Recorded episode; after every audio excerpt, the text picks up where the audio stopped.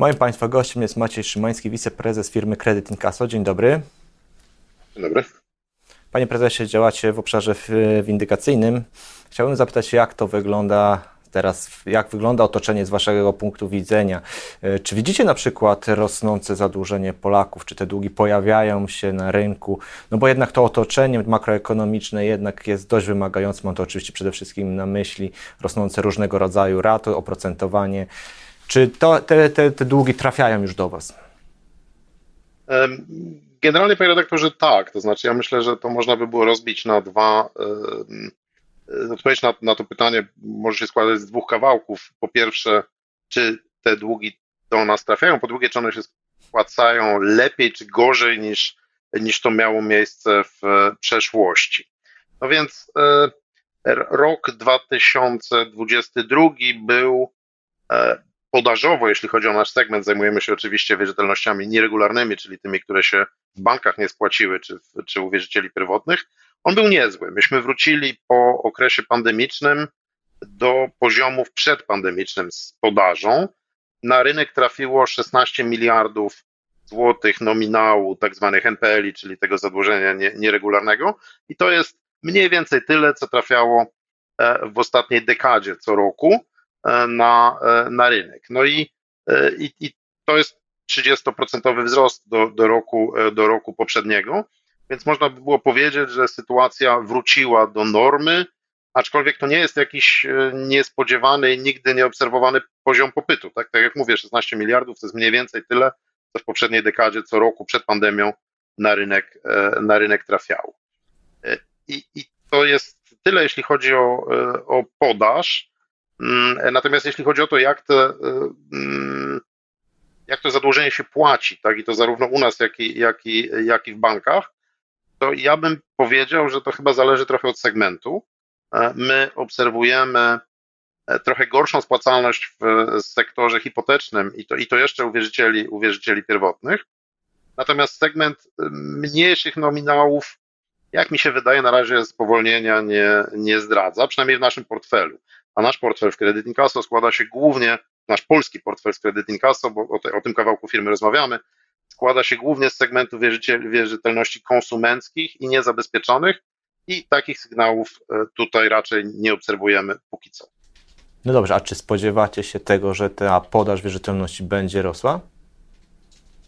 E, wie pan, e, mm, potencjalnie tak jak mówimy o segmencie, bo myślę, że tak, te, te, te wierzytelności mm, nieregularne, one pochodzą z dwóch źródeł, one pochodzą od dostawców e, commodities, takich jak telekomy, prawda, telewizja i tak dalej. I tutaj spodziewamy się w miarę stabilnej sytuacji. No a drugim segmentem jest segment bankowy. I może nad tym segmentem bankowym mm, spędzilibyśmy trochę więcej czasu, bo tam dużo różnych e, zachodzi e, zjawisk. Od czego to zależy? To po pierwsze zależy od tego, jaki jest zapas tych NPL-i w bankach, a po drugie, jaki, e, jakie banki mają apetyt na, e, na sprzedaż tych, tych NPL-i, czy potrzebują to robić, czy, czy nie. Zapas jest mniej więcej stabilny, to jest 70 miliardów złotych nominału, on delikatnie rośnie z roku do, do, do roku, no ale apetyt banków zależy od potrzeb płynnościowych, których banki dzisiaj nie mają, a z, ale również od wskaźników kapitałowych. No i y, te wskaźniki kapitałowe na dzisiaj są niezłe, e, no ale w zeszłym roku przyrost kapitałów własnych w bankach był powolny, bo były straty na obligacjach skarbowych, były wakacje kredytowe, ale z drugiej strony był i koszty, a z drugiej strony był przyrost wyniku odsetkowego pod koniec roku, no ale były też wypłaty dywidendy, tak? Poza tym to zależy. Mówimy o, o całym sektorze, jest nieźle, ale są takie takie adresy, które znamy, w których jest dużo gorzej, prawda? I, i to było widać po zeszłorocznych wynikach. Teraz rzeczywistość się trochę zmienia, no bo na wysokość kapitałów własnych będą miały, będzie miało wpływ kilka czynników. Pierwszym z nich są wymogi MREL, które były przesunięte, ale które na, na styczeń 2024 roku trzeba będzie spełnić i ten wpływ na kapitały może być raczej negatywny. No i potencjalnie, powiedziałbym, nie wiadomo jakiego koloru łabędzie, tak, ale potencjalnie raczej szaro-ciemne niż, E, niż te jaśniejsze. E, przynajmniej dwa. Po pierwsze, orzeczenie CUE, które będzie dotyczyć prawa banków do wynagrodzenia za, za e, kapitał, za użyczony kapitał. Ono jest spodziewane w 2023 roku. Gdyby było negatywne dla banków, to to będzie dosyć istotny cios.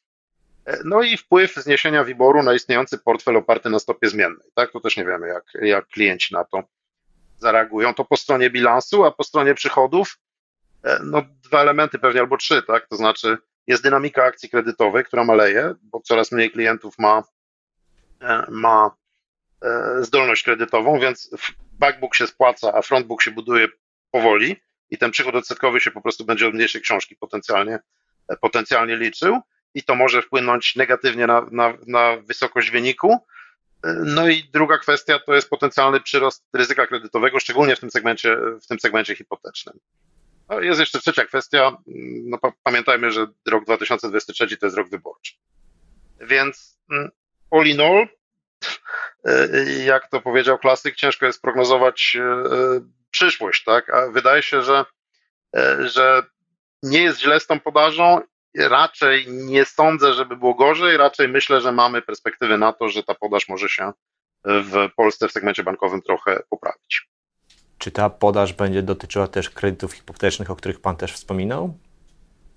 Myślę, że ona będzie dotyczyła kredytów hipotecznych. Tych kredytów się w zeszłym roku sprzedało za 2 miliardy, znaczy 2 miliardy nominału.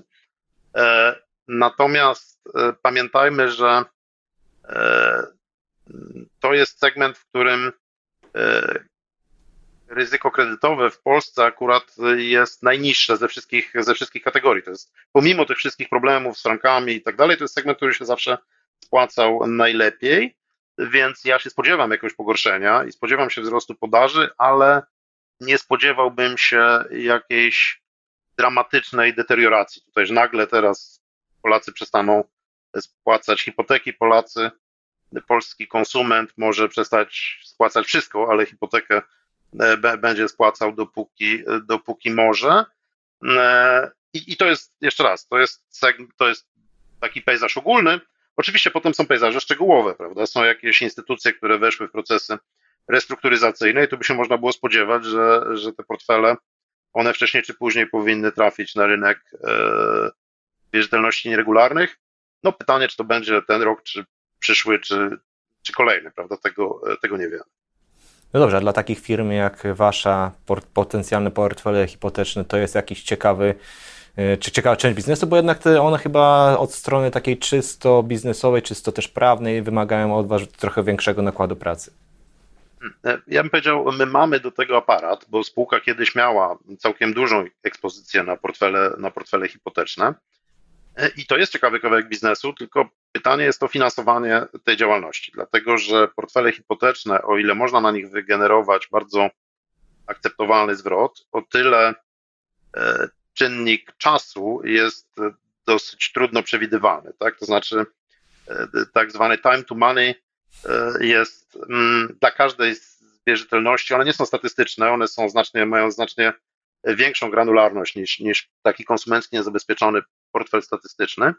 No i my po prostu nie do końca potrafimy, i sama branża nie do końca potrafi przewidzieć, kiedy odzyska poszczególną wierzytelność. Jaki z tego wniosek? No wniosek taki, że nie można tego finansować instrumentami dłużnymi, które mają znaną zapadalność, dlatego że nam się mogą przychody z, z maturą długu rozjechać e, i e, powstaje tak zwana luka płynnościowa, która w naszej e, branży już wiele problemów spowodowała.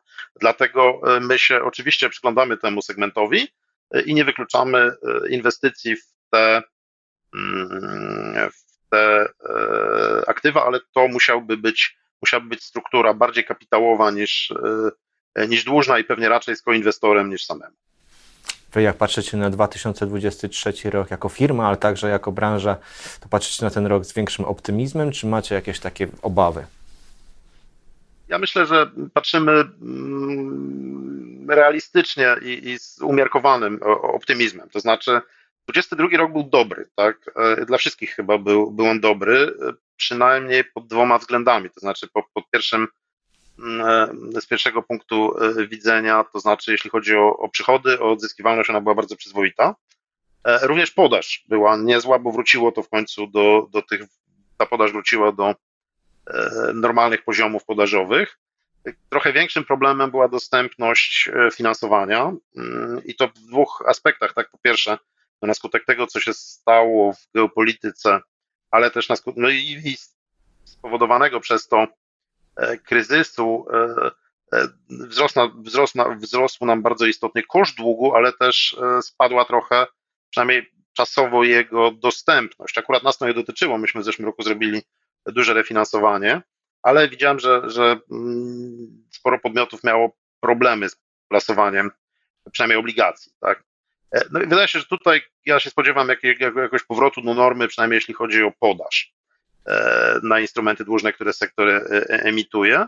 No więc przy w miarę stabilnym, stabilnej podaży, popycie na instrumenty dłużne i niezepsutej spłacalności, dlatego że ja się wszystkich, ja, ja, ja się o tą spłacalność generalnie w krótkim terminie nie boję. Wszystkie prognozy makroekonomiczne, jakie widziałem, mm, raczej nie prognozowały bardzo istotnej recesji w Polsce, a na pewno nie, nie, nie prognozowały bardzo istotnej recesji, która by wygenerowała bardzo istotne bezrobocie, prawda? Przy naszej demografii to bezrobocie raczej jest niemożliwe.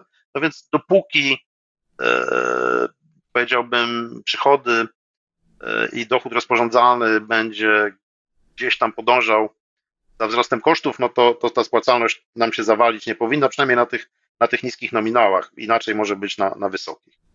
Więc e, powiedziałbym, jesteśmy, jest, co do, co do core biznesu jesteśmy ostrożnymi optymistami. Oczywiście mamy e, zmieniający się kontekst regulacyjny, tak? I to jest jakiś element, który trzeba, który branża będzie musiała zaadresować.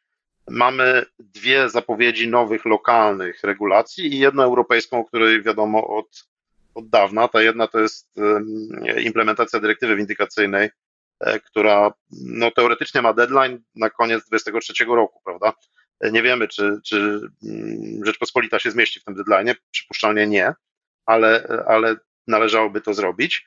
Oprócz tego mamy ustawę windykacyjną, e, o której wszyscy pewnie e, słyszeli i, i wiedzą, ale jest też ustawa o funduszach, która e, wbrew pozorom na nasz sektor ma dosyć istotny potencjalnie wpływ. No i teraz, co na ten temat można powiedzieć? No, nasza branża jest, jak mi się wydaje, przyzwyczajona do tego, że, że tych regulacji trochę jest i one się zmieniają. I to nie jest, powiedziałbym, tutaj polska specalité de la maison, tylko w wielu geografiach, w których my działamy, a nasi znakomici konkurenci działają w jeszcze większej ilości geografii, no to e, tego typu rzeczy się po prostu zdarzają i jak się w tej branży działa, to nie ma się wyboru, jak tylko się e, do tego przyzwyczaić, mieć mm, to na uwadze i mieć odpowiednie służby. E, więc dopasujemy się na pewno. Co jest ważne, to jest ważne, żeby między tymi trzema projektami się nie pojawiły istotne sprzeczności, tak, które które pojawić się mogą. No i oczywiście, aby vacatio legis było, e, było e, dostateczne. I tutaj też, no my oczywiście jesteśmy członkami organizacji branżowych, do których, które są w dialogu z ustawodawcą i z regulatorami. No i ufamy, że w ramach tego dialogu uda się wytworzyć regulacje, które będą wyważone, tak, i będą brały pod uwagę interes wszystkich zainteresowanych stron, czyli no generalnie dłużników, wierzycieli e, i, e, i regulatora dla ustawy windykacyjnej, i, a, a nadzoru i bezpieczeństwa uczestnika oraz, e, oraz operatorów dla ustawy o, o funduszach. I tutaj stawiamy kropkę. Umiarkowany optymista Maciej Szymański, wiceprezes firmy Credit Casa był moim Państwa gościem. Bardzo dziękuję za rozmowę. Dziękuję bardzo.